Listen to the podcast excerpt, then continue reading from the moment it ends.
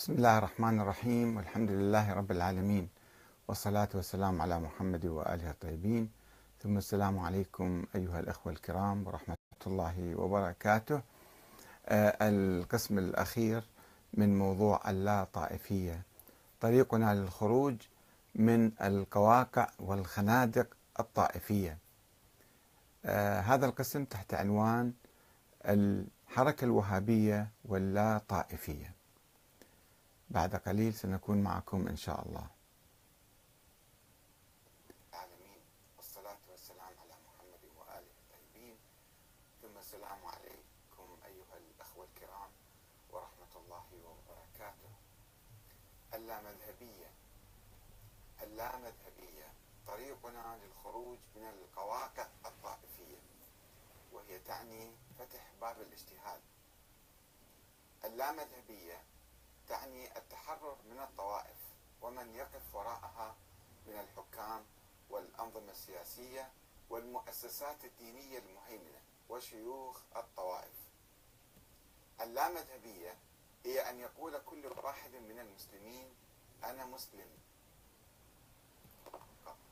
لا سني ولا شيعي لا حنفي ولا حنبلي ولا شافعي ولا مالكي ولا زيدي ولا إسماعيلي ولا إثنى عشري. اللامذهبية قرار شعبي فردي. الحكومة ولا بمرجعية دينية طائفية. بعد قليل سنكون معكم إن شاء الله.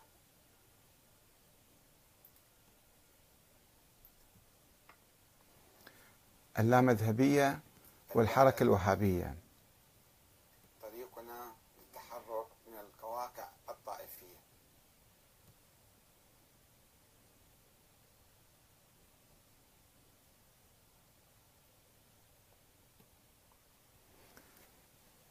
اللامذهبية طريقنا للخروج من القواقع الطائفية.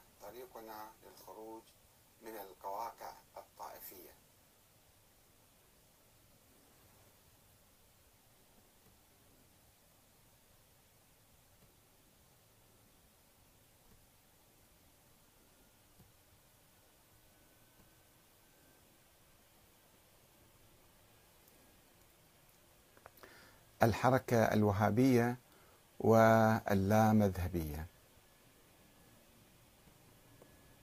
دقائق وسنكون معكم إن شاء الله. اللامذهبية طريقنا للخروج من القواقع والخنادق الطائفية. كانت الحركة الوهابية لدى نشوئها في القرن الثامن عشر. الميلادي.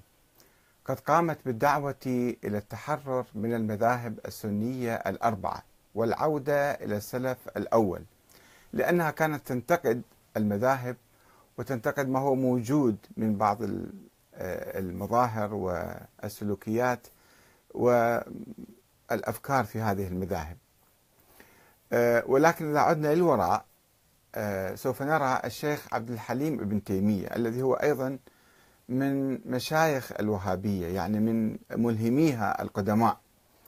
آه، كان ربما كان هذا واحدا ممن مارسوا اللامذهبية أو الاجتهاد الحر في بعض فتاويه ولو أنه قلد في كثير من المسائل واتبع آه، المذهب الحنبلي بالذات.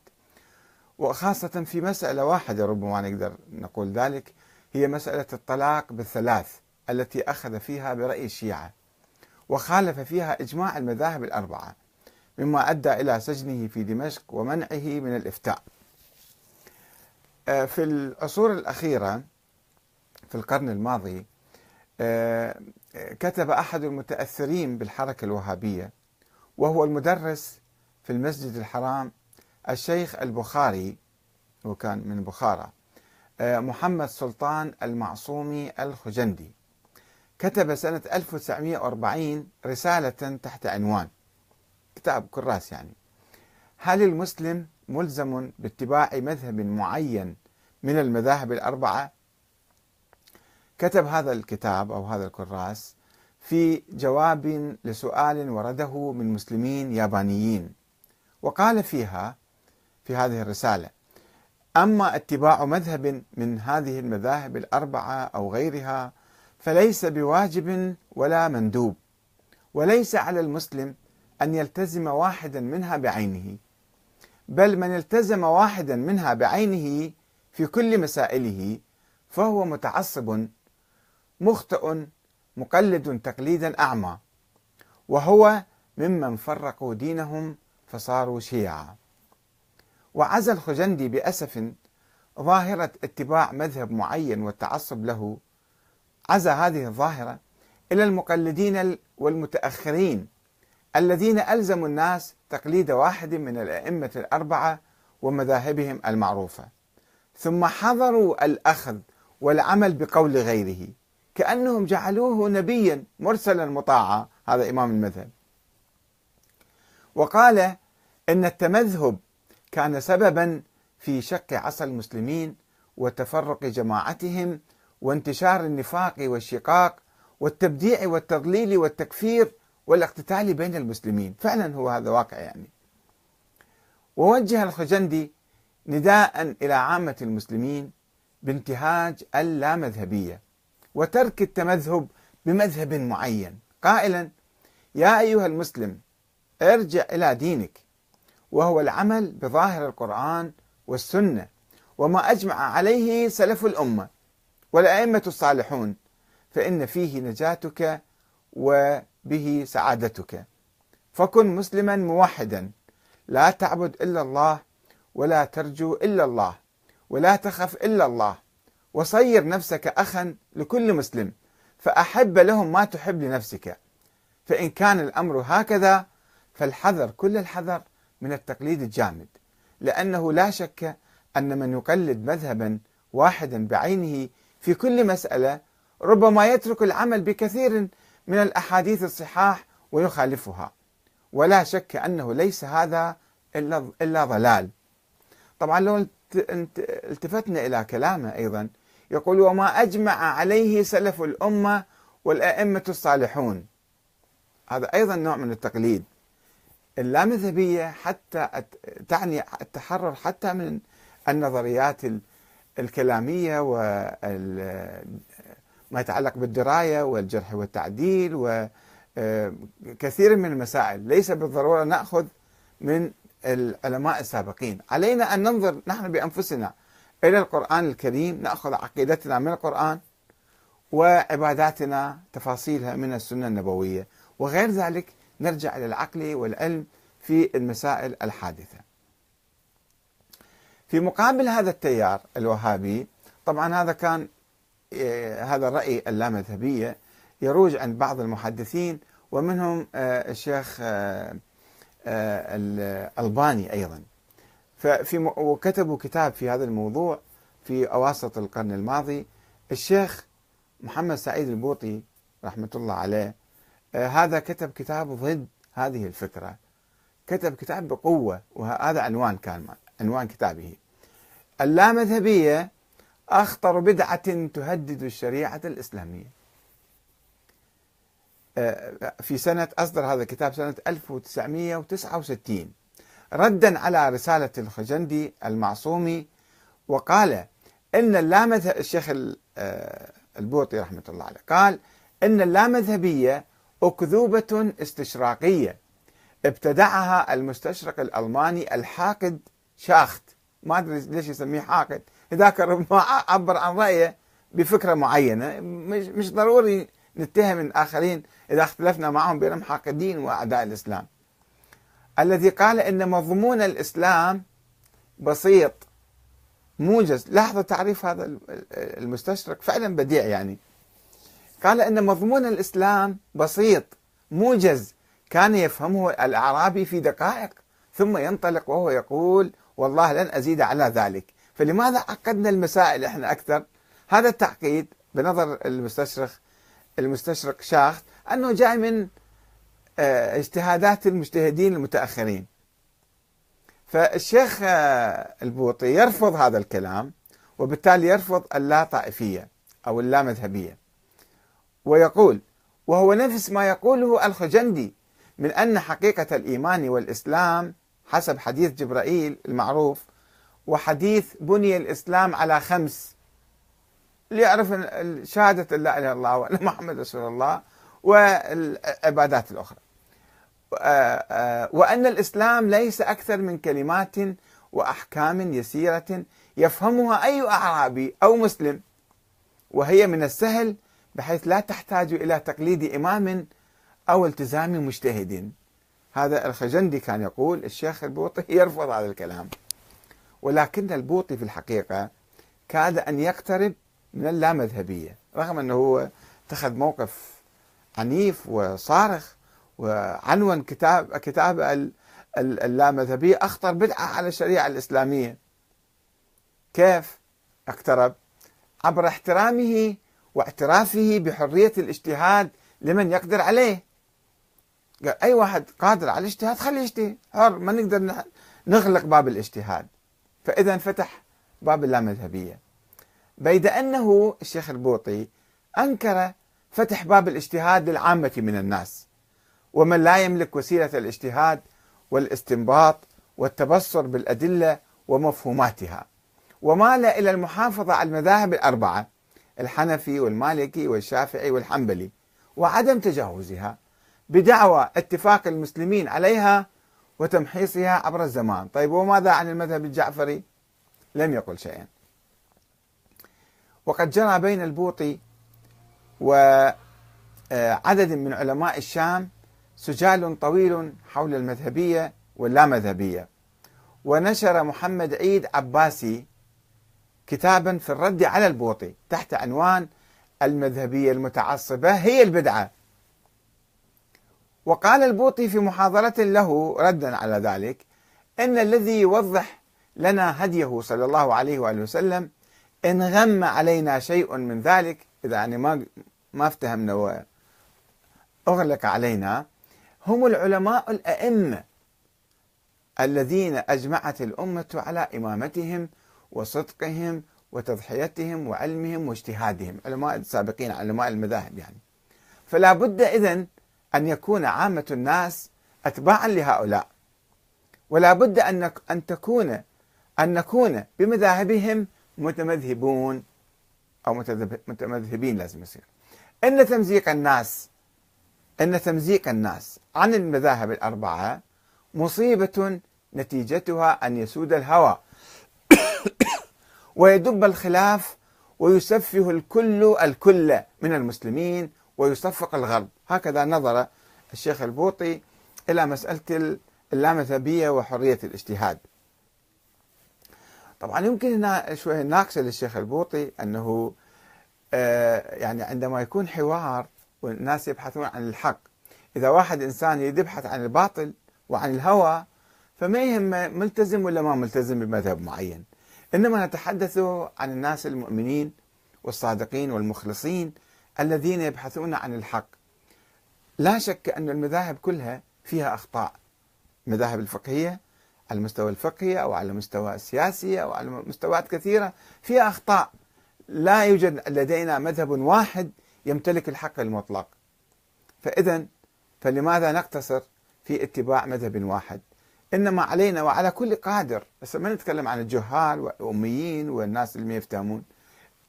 كل إنسان يشعر بالنفس أنه هو قادر على أن يقرأ ويميز ويفكر وينظر فيجتهد ويستمع الأدلة المختلفة وبعد ذلك يتبع آه، مجموعة آراء آه، تكون أقرب إلى الحق وأقرب إلى الصواب. عندنا الشيخ الخزندي والحركة الوهابية القديمة كانت ترفع لواء اللامذهبية ولكن آه، في الحقيقة كانت دعوتها غير متطابقة مع الواقع. يعني هي كانت ترفع اللامذهب شعار اللامذهبية ولكنها كانت متمسكة بالمذهب الحنبلي والتيمي نظريات ابن تيمية. وكانت مقلدة هي مقلدة وأنتجت اجتهادات متطرفة أكثر في المذهب الحنبلي والمذهب والتيار أو الخط السلفي التيمي. فهي لم تكن آه، لا مذهبية. وهنا يمكن بعض الناس من الأخوة الوهابيين يقول نحن مسلمون. لماذا تسموننا وهابيون أساسا؟ نحن مسلمون ولا نقبل هذه التسمية ونحن لا نؤمن بالمذاهب. إحنا ما نريد نتهم أحد ونلصق التهمة به غصبا عنا.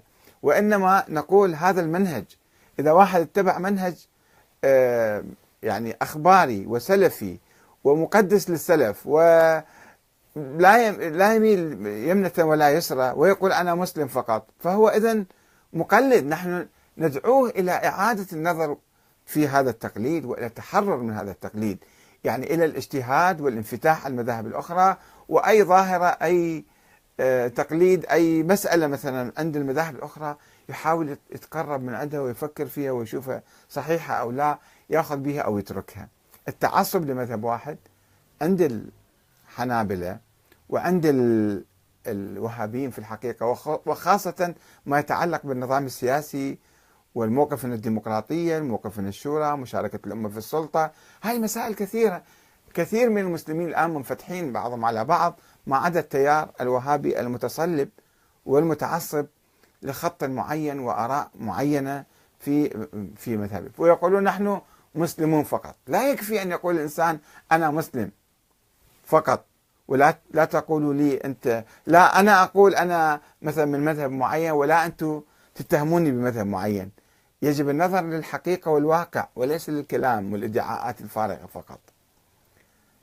على أي حال هذه كانت دعوة قديمة دعوة وهابية.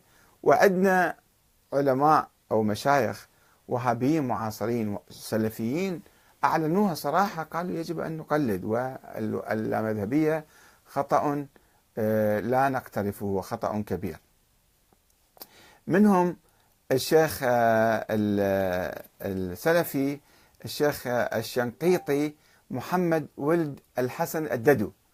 هذا أيد موقف الشيخ البوطي السلبي من اللامذهبية وكرر نفس حججه في آه، رفض في رفض اللامذهبية وقال أما دعوة اللامذهبية بين قوسين سماها أو دعوة التنكر للمذاهب فإنها دعوة محدثة ولم تكن في العصور السابقة فلم ينكر أو ينكر أحد من الذين عاصروا أتباع التابعين عندما قامت المذاهب وجود هذه المذاهب كانوا معترفين فيها.